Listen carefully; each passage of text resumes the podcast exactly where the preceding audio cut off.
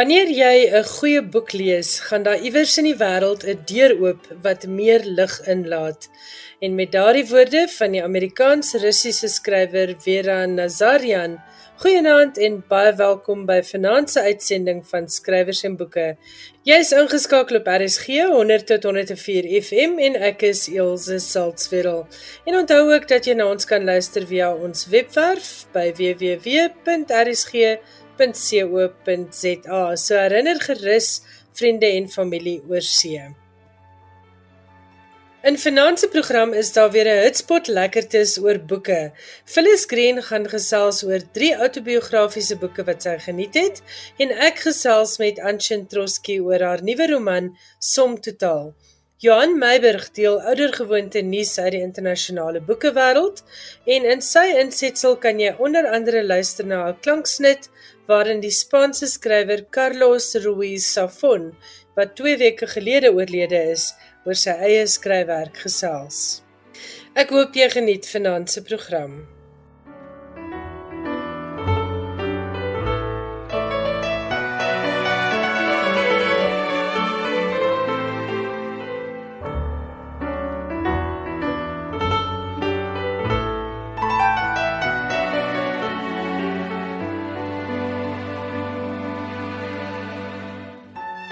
Luister na skrywers en boeke, jou belangrikste bron oor Afrikaanse boeke. Dit is weer Woensdag aand en ek gesels met Phyllis Green oor nog 3 fiksieboeke wat sy tydens hierdie Grendeltyd gelees en geniet het. Goeienaand Phyllis en welkom nog 'n keer by Skrywers en Boeke. Goeienaand Elsje, dit is altyd lekker om by jou te kom kuier. Al is dit nou nie in die vlees nie, maar net so per telefoon. Jy het vir ons verlede week vertel van boeke wat gerig was op ouers met kinders of enigiemand wat belangstel in kinders. Maar hierdie week gesels ons oor drie boeke wat almal 'n autobiografiese of 'n biografiese inslag het. En eerste aan die beurt is Erfgeld is swerfgeld deur Johan C. Bakkes. Ja, jy weet mense fascineer my mos altyd en ek ek kan myself nou maar net nie help nie. Ek as ek sien daar is iets wat iemand geskryf het oor hulle eie lewe of iets is geskryf oor iemand se lewe, dan moet ek dit dadelik lees. En Johan Bakkes is is 'n ou bekende by die luisteraars. Hierdie nuwe boek van hom Erfgeld te swerfgeld. Dis 'n tipe van 'n autobiografie en 'n reisverhaal in een. Nou wat Johan in hierdie boek doen is hy dra dit is 'n ode aan sy pa. Sy pa is van klein klein klein tyd af Johan se held. So hy vertel in hierdie boek al die stories wat sy pa aan hom vertel het. Johan was as kind baie siek en sy pa het as hy so by by Johan se siekbed gesit het, dan het hy vir Johan stories vertel. Nou wat eintlik so mooi is in die boek is die liefde en en die bewondering wat hy vir sy pa het, kan jy agterkom in die manier hoe Johan oor hom skryf. Die titel van die boek, Erfgeld is swerfgeld, dit kom juis van 'n sêding wat van sy pa. Na sy pa se dood, toe daar toe hy nou 'n geldjie ook gekry en toe wou hy met daai geldjie van hom juis gaan reis want want hy dit is wat sy pa van hom sou verwag het. Nou aanvanklik was Johan se groot ding, mense wat nou al van sy goed gelees het sal weet, Johan se reise is altyd hy het ook 'n hoofstuk in die boek wat hy sê is ste ste. So hy reis na die droogste, die hoogste, die verste, die kleinste of wat ook al. Toe met hierdie erfgeldjie van hom, het hy toe nou aanvanklik 'n reis saam met vriende beplan wat, hulle na die Taklaman woestyn in China, dit was 3 jaar se plan beplanning. Hulle hulle het baie meer moed as ek. Hulle wou sien toe gereis het, maar die reisbeplanning is verskriklik moeilik want jy moet deur Nepal gaan om by die plek in China uit te kom en die visums as China sien jy 'n visum van Nepal en so dan dan lyk dit my werk die goeders nou nie so lekker nie. Toe val die reis nou deur die mat. Toe toevallig vra sy seun toe vir hom, Johan se seun vra toe vir hom, "Nou maar watter plek wil jy graag sien, pa?" Toe sê Johan, "Maar hy wil die droogste plek op aarde sal hy heen wil reis." En net daar besluit hy en sy seun, "Maar hulle sal nou reisgenote word na die droogste plek op aarde." Dis in die Atacama woestyn in Chili. Nou dis ook nou maar ver afgeleë en die lekker van hierdie storie is hy en sy seun is heeltemal teenoorgesteldes van mekaar. Johan reis nog met 'n Lonely Planets gids, so hy doen alles op ou skool manier. Hy stap tot by 'n plek en dan vra hy 'n mens uit om vir hom goeders te verduidelik as hy nou nie weet nie. Sy seun in teenstelling daarmee is soos die moderne reisigers tegnologies verbind met alles.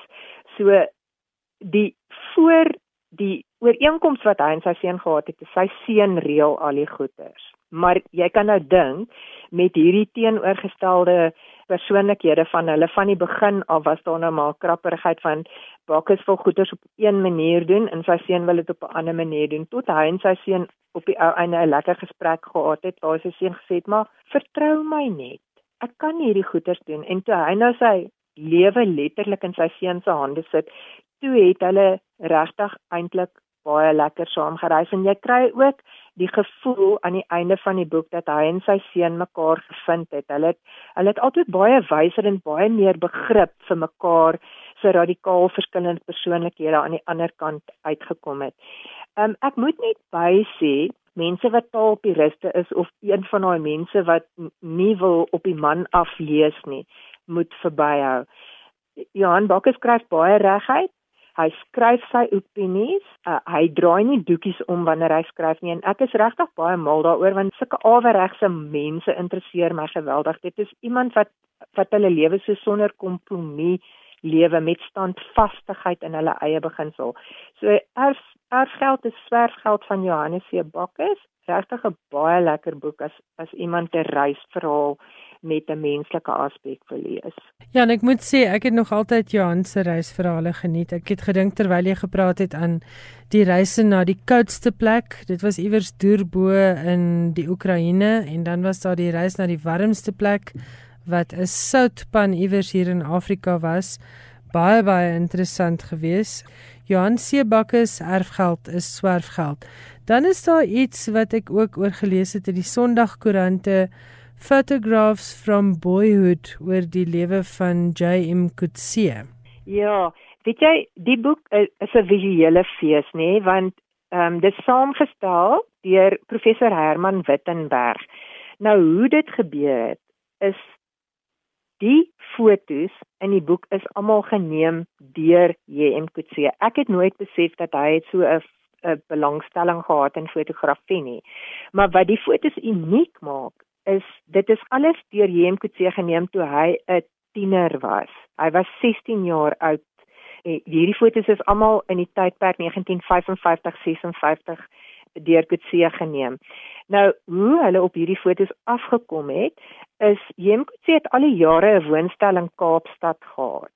En toe in 2014 sou hy die woonstel verkoop en toe nou met die opruim van die woonstel deur 'n vriendin van hom kom sy toe nou op die solder in sulke bokse en goeders kom sy toe nou af op hierdie fotos en al hierdie goeders wat verwant hou wat in die boek is.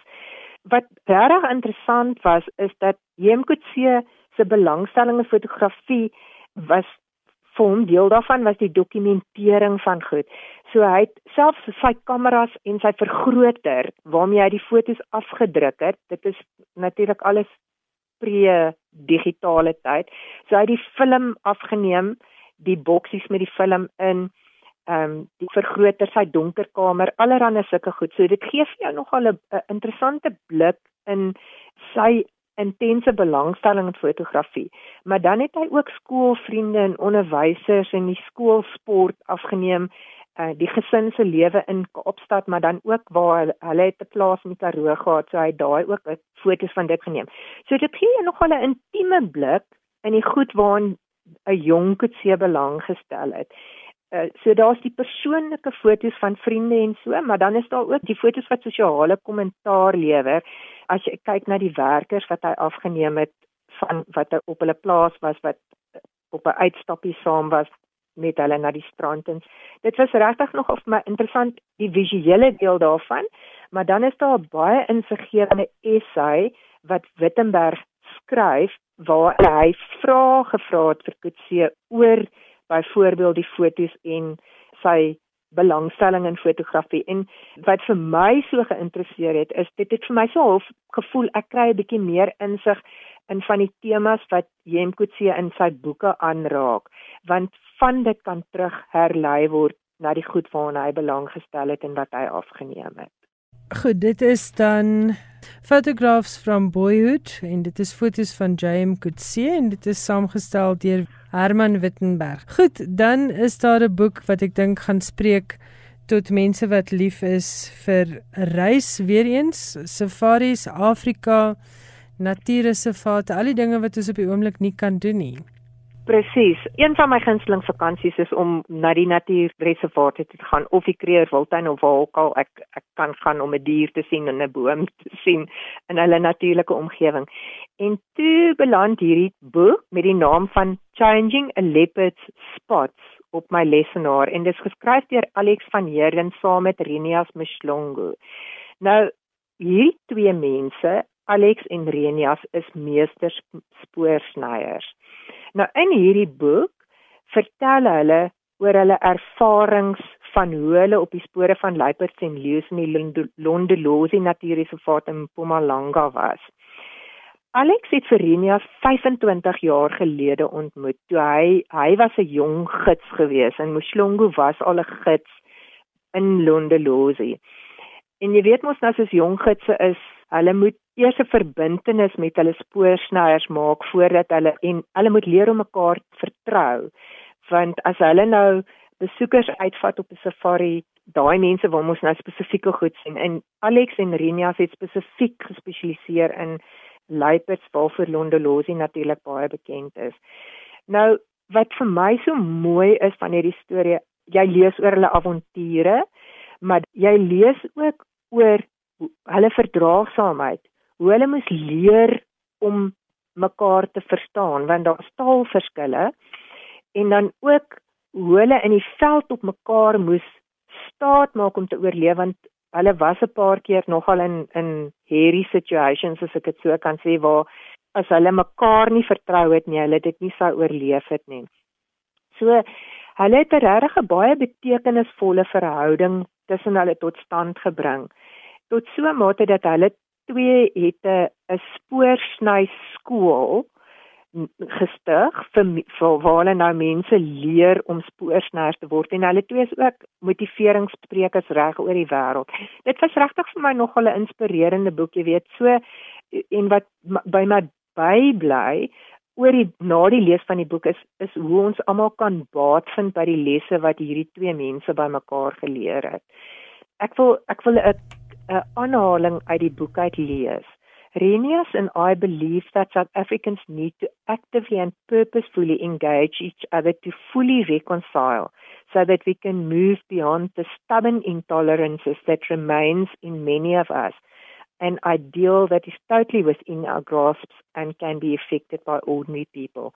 My hierdie boek Changing a Leopard Spot was net vir my so 'n uh, 'n lekker leesding, maar ook 'n inspirasie van twee mense wat onder moeilike omstandighede met mekaar moes saamwerk en hoe hulle dit oorkom het. Goed, dit is Changing a Leopard's Spot. Alex van Heerden en Renias Mshlongo. En dit was Phyllis Green, Sari se boeke redakteur wat vanaand gesels het oor drie nuwe fiksieboeke wat sy die afgelope paar weke geniet het.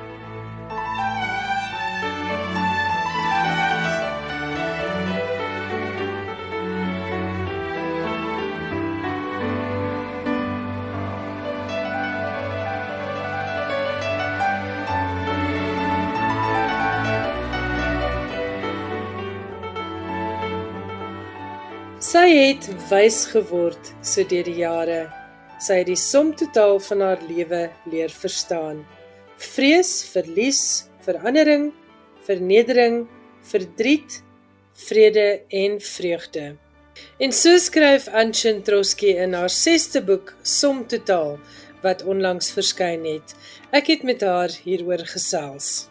Goeienaand Anshin en baie welkom by Skrywers en Boeke. Vertel ons 'n bietjie van die storie agter Som Totaal. Was daar 'n spesifieke prikkel? Ja, weet jy, dit is altyd vir my een van die interessantste goed van skryf is waar die prikkels vandaan kom. Ons het so 2 jaar gelede my skoonma gehelp trek van Bloemfontein waar sy in 'n meentuis gebly het vir seker 24 jaar na Jeffreys Bay na 'n huis vir bejaardes hier. En um, natuurlik is die plekie hier nou baie kleiner as wat sy gehad het in Bloemfontein. So sy moes van baie van haar goed ontslaa raak. Dit was vir haar traumaties, jy weet, en ook om om te kies wat bly en wat wat wil sy saambring, want is regtig die goed wat wat haar na in die hart lê wat saam kon kom. En met die uitpak hier kom ek toe op 'n foto af, 'n geraamde foto van my skoonma as 'n jong dogtertjie saam met haar swart maatjie en hulle lê op die gras en blaai deur 'n boek. En toe ek dit sien, hierdie foto is dis vir my die mooiste ding. Onmiddellik het ek die storie gesien van van Nontando en Esther.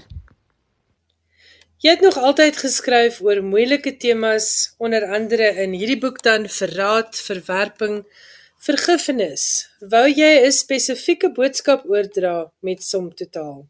Ek skryf nooit met die gedagte dat ek 'n boodskap wil uitdra nie. Um ek maak stories oor die dinge wat my snags laat wakker lê. Som totaal gaan vir my op die einde oor liefde. uh, Vriendskaplike liefde, romantiese liefde En um en dis so 'n wonderlike emosie, liefde. En dit is wat ek hoop die lesers gaan bybly na hulle na som totaal gelees het is die um is liefde. Jy dra die boek op aan die I'm staying beweging. Is daar enige spesifieke rede hiervoor? Ek het toevallig op um die I'm staying blad afgekom, Facebook blad. En dit was my een van die wonderlikste inspirerendste goed wat ek nog teëgekom het. Ek dink veral nou in hierdie tyd, jy weet met die koronavirus en ehm um, die gepaardgaande inperking, die algemene geweld, die geweld teen vroue en kinders, die politieke vingerwysings en wysers, is die groep net vir my 'n wonderlike beeld van hoe baie Suid-Afrikaners kan en wil leef. Um in harmonie, ongeag die uiterlike verskille. So die groep is regtig vir my baie besonder en uh, ek geniet hulle plasings geweldig baie. En uh, ek dink dit is nogal iets waarna almal kan gaan kyk. Dit gee vir jou regtig moed vir Suid-Afrika. Jy het nog altyd geskryf oor mense en hulle brooshede en oor verhoudings en jy het nog nooit weggeskram van moeilike onderwerpe nie. Vanwaar kom jou belangstelling in die mens en sy geite? Mense en hulle en en ons, kom ek sê eerder so, mense en ons um brooshede is iets wat my nog regtig altyd baie interesseer veral die ding oor skuld en vergifnis. Ek wonder altyd en ook in hierdie geval was dit vir my nogal 'n groot vraag is is dit goed dat Mila nou die waarheid weet of sou dit beter gewees het indien sy nie geweet het nie. Moes e, moes Esther gepraat het of nie? Oor Esther, 'n uh, skuld wat so deel van haar lewe is dat sy selfs weggeskram het uh, daarvan om die goeie en gelukkige tye te onthou haar kinders weet baie minder van van haar grootword lewe as wat Mila weet. Mila weet baie meer van haar. Omdat ek dink Nontando niks gehad het om weg te steek en Nontando kon die waarheid praat en sy kon sy kon vir Mila vertel hoe hoe wonderlik hulle groot geword het in die vriendskap tussen hulle was wat in Esther se geval natuurlik nou nie daar was nie. Sy het die goeie en gelukkige dinge geheim gehou omdat sy bang is dat die aaklighede saam met die goeie sal uitkom en sy het haarself meer skade berokken deur dit te doen as wat sy dalk van die begin af die waarheid gepraat het. Dis altyd vir my daai fyn lyn tussen wanneer erken jy skuld en wanneer nie. So ja, menslike menslike eienskappe is weet die skuld en die vergifnis is die goed wat my regtig baie interesseer. En is die goed wat my snags laat wakker lê. Um ek wonder altyd hoekom mense so iets aan ander mense kan doen. Jy weet, bewustelik en soms selfs onbewustelik mense kan seermaak en ek ek weet nie dit is altyd net is vir my nogal 'n baie groot vraag. Ek probeer by die wortel van die kwaad half uitkom. Ek weet nie of ek dit ooit sal regkry nie. Wat dryf 'n mens tot so iets nie, maar dit bly vir my een van die interessantste eienskappe van die mens. Jy luister na skrywers en boeke. Ek is Elsje Saltzfeld en ek gesels met Anshin Troski oor haar nuwe roman Som Totaal. Anshin, hoe werk jou skryfproses? Het jy byvoorbeeld vooraf besluit wie gaan deel wees van Esther en Nontando se storie in Som Totaal of het die karakters spontaan bygekom? Ja, karakters kom nogals terwyl ek skryf nogal by my op. Ek ek gebruik ook nou skryf in 'n baie breë sin van die woord want ek um, loop regtig baie lank, partykeer maande met die storie in my kop. Ek skryf net in my kop. So teen die tyd dat ek gaan sit en dit regtig skryf en ek en ek bedoel ek skryf met die hand op papier voordat ek dit tik, is al my karakters reeds daar, maar ja, ek glo tog soos soos ek in my kop skryf, kom daar nuwe karakters by. Ek dink sommer aan Tannie Sophie, hulle, hulle het definitief eers later bygekom. In die begin was dit maar uh Mella en Esther en Nontando. En ehm um, ja, die res kom se met tyd kom hulle by. Jy skryf asof jy 'n plaas ken. Is dit so? Ja, weet jy, ek um, ek ek beskou myself nou regtig as 'n boervrou of 'n boer se vrou, kom ek sê so. Ek uh, ken 'n plaas baie goed en toe ek vir 'n vrou se ontmoet het, was een van die goed wat my regtig opgeval het, was die verhouding tussen hom en die werker se kinders. Tot toe het ek nie geweet dat daar oor die kleurgrens vriendskappe kan wees nie. Ek het in 'n stad groot geword en ek kan nie dink dat ek ooit swart of bruin kinders regtig gesien het nie. So dit was vir my baie oulik en interessant. En ehm um, ek ek onthou dit altyd nog. Dit was nog altyd ek dink in my agterkop hierdie verhouding tussen die kinders. Dit dit was nog altyd daar iewerste uh gelê en wag om gebruik te word. Teen hierdie tyd moet ek nou al die werk werke op 'n plaas ken. Want ek is nou al so lank getroud met hulle vrou, so ek ken nie meer 'n ander lewe nie. Ek skryf na 6 boeke waarvan die eerste een dis ek Anna, 'n topverkoper was enigsins makliker of raak dit moeiliker soos wat 'n mens aangaan? Ek dink skryf na 6 boeke raak eintlik vir my nou half moeiliker. En ek kan nie regtig vir jou sê hoekom nie. Maar skryf is soos jy ook weet, dit is in elk geval nie 'n maklike ding om te doen nie. Dit is 'n wonderlike lekker ding om te doen, maar nie maklik nie. En ek vind dit elke keer net 'n groter uitdaging. En dit was die stem van Anshin Troski. Ek het met haar gesels oor haar nuwe roman Som Totaal. Bly aangeskakel want aan die einde van die program gaan ek 'n stukkie musiek speel van Anshin se speellys. Sy vertel dat sy nie na musiek kan luister terwyl sy skryf nie, maar dat sy graag na 'n goeie skryfsessie ontspan met die musiek van Katie Melua en Nora Jones. Skrywers en boeke. Alles wat jy oor die boekewêreld wil weet en meer. Johan, ons gesels vanaand onder andere oor die Boekerprys. Wel, na heelwat druk op die Boeker Stichting dat Emma Nicholson uit haar ereposisie as visiepresident van die stigting verwyder moet word, het die Raad van Trustees haar nou wel die trekpas gegee. Die druk het veral van skrywers gekom en die ontevredenheid spruit uit Nicholson se homofobiese standpunte. Nicholson is die weduwee van Sir Michael Caine, nie die akteur nie, wat instrumenteel was om die prys tot stand te bring. Sy was erevisiepresident van die Boeker Stichting na haar aftrede as trustee in 2009. Sy het geen rol gespeel in die bestuur of bedryf van die stigting nie. En sy was ook nie betrokke by die aanwys van beoordelaars of die keuse van boeke vir die langlys, kortlys of van die wenners nie. Damien Barr, 'n Britse skrywer wie se debuutroman verlede jaar verskyn het, het aan die spits gestaan van die aksie om van Nicholson ontslae te raak. Sy roman You Will Be Safe Here speel af in eie tydse Suid-Afrika met terugflitsse na die Anglo-Boereoorlog. Barr het aangevoer uit gehoor van Nicholson se betrokkeheid by die Boeker Stichting nadat Monroe Berghoff 'n model en transgender aktivis aangedui het dat sy Nicholson by die parlementêre gedragskommissie gaan aangee oor Nicholson se plasing op sosiale media oor die transgemeenskap. Toe skrywers soos Marlon James, vorige Boeker-wenner en die gewilde skrywer Sarah Perry hulle aan die kant van die protesteerders skaar, het die trustees eers 'n verklaring uitgereik dat Nicholson se opinies nie die van die Boeker Stichting is nie en daarna het die trustees verduidelik die ereposisies in die struktuur van die stigting lei tot heelwat verwarring en dat daar besluit is om al die posisies te skrap wat natuurlik beteken die Nicholson probleem is met een opgelos. Die besluit is onmiddellik van krag, het die trustees in 'n verklaring gesê. Ons het almal wat betrokke is laat weet en hulle bedank vir hulle bydrae oor baie jare. En dan het jy vir ons weer 'n bietjie nuus oor hoe dit deesdae met Malala Yousafzai gaan. Ja, dis die um, Pakistaanse aktivis wat op 17 die jongste ontvanger nog van die Nobelprys vir vrede was. Sy het pas 'n graad in filosofie, politiek en ekonomie aan Oxford behaal. Sy's nou 22. Yousafzai was 15 toe sy in 2012 'n sluipmoordaanval oorleef het. Sy is in die kop geskiet juis oor haar sterk kritiek op die Taliban se poging om meisies daarvan te weerhou om skool toe te gaan. Die kritiek het sy gelewer op 'n blog op die BBC se webwerf.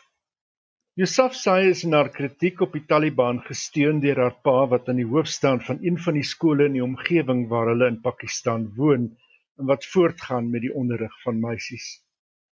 Sy is na die aanval eers in Rawalpindi behandel en toe haar toestand verbeter is sy oorgeplaas na 'n hospitaal in Birmingham in Brittanje.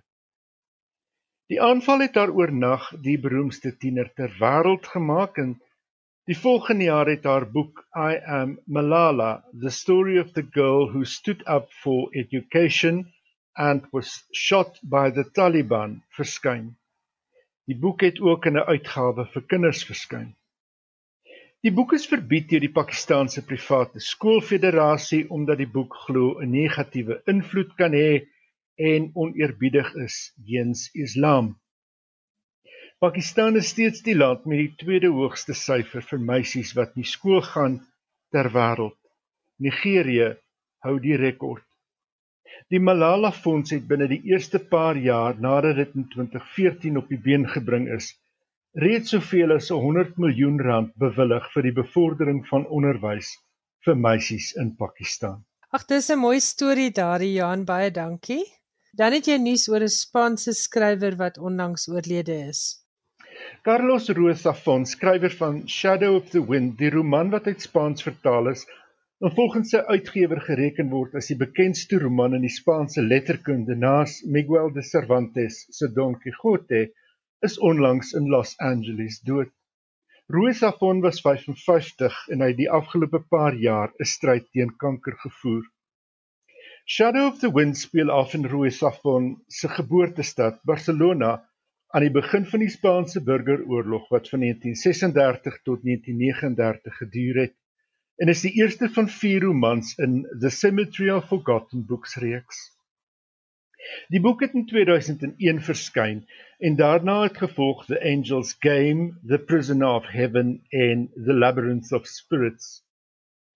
Rosa Fon se skryfwerk word in die Engelse letterkunde wêreld dikwels vergelyk met die van Charles Dickens, juis vanweë die digte, snel ontwikkelende storielyne en kleurryke karakters. Hoewel uiters filmies van aard het Rosa Fon altyd waal gegooi teen vervulling van sy romans. Dit sal neerkom op verraad van letterkunde, het hy by geleentheid gesê. As 'n mens meen Planeta Rooi Safon se uitgewer het dalk effe hoog gemik met die verwysing na Cervantes, word dit nietemin algemeen aanvaar dat Rooi Safon saam met sy tydgenote Javier Sierra en Juan Gómez Jurado gereken word as die gewildste hedendaagse Spaanse skrywers. Hier is Rooi Safon aan die woord oor sy skryfwerk in 'n kort program met die titel Carlos Rooi Safon the orchestrator of literature.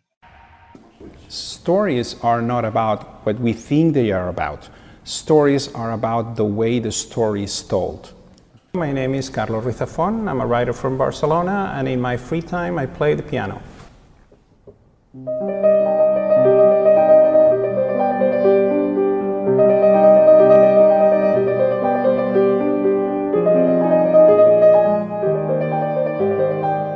Great frustration of my life, if I have one, probably is that I never had a music education. I wanted to have a full-blown music education. I would have loved that, to have that opportunity to really develop whatever talent I had for music. I could never do it, so I became an amateur musician, self-taught.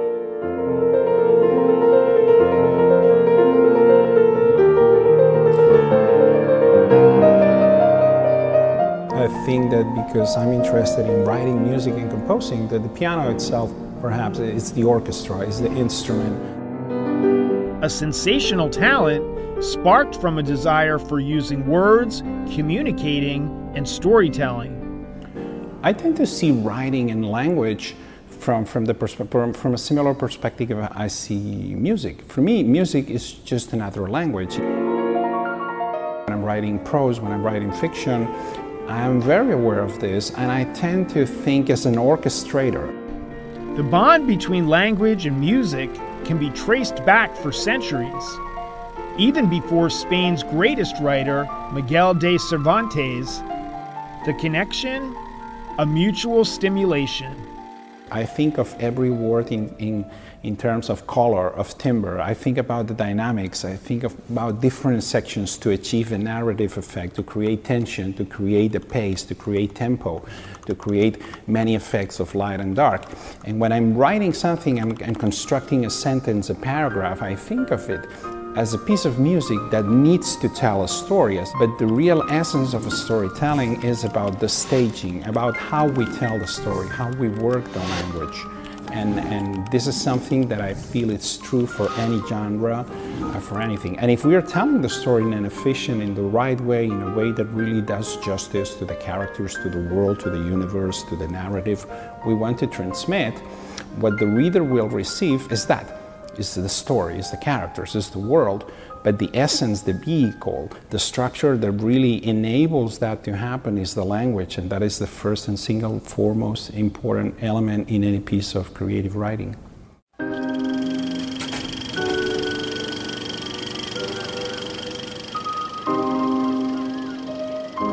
Siempre he sabido que algún día volvería a estas calles para contar la historia del hombre que perdió el alma y el nombre entre las sombras de aquella Barcelona sumergida en el turbio sueño de un tiempo de cenizas y silencio.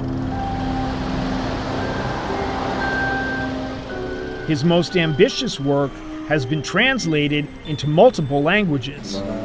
The Cemetery of Forgotten Books series is a magnificent web of literature set in 20th century Spain. The idea of the Cemetery of Forgotten Books, beyond that fantastical library, this labyrinth of books hidden in a palace in the old town of Barcelona, is a metaphor not just for forgotten books, but for forgotten ideas, for forgotten people, for memory.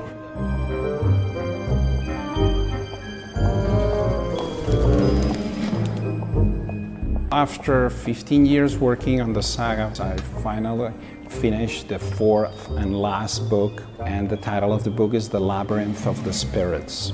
This is the grand finale to the saga. This is the place where we made all the characters, all the subplots, all the lines, all the elements of the three previous novels, and where everything clicks and it's in a gigantic clockwork mechanism that finally the labyrinth that we may have explored through different doors because the idea always was with this saga that it was not necessarily a sequential story, but that was a, a, kind of a big labyrinth of stories in which you could enter through different doors, a Chinese box of fictions. You could read first the third book or the second and the first in any order, and depending on what was the route you picked, what was the door of entry, your experience of the characters, of the stories of this world would be different, and you would see things from different angles that would allow you to, to think of the characters and see things in them that, that were very different.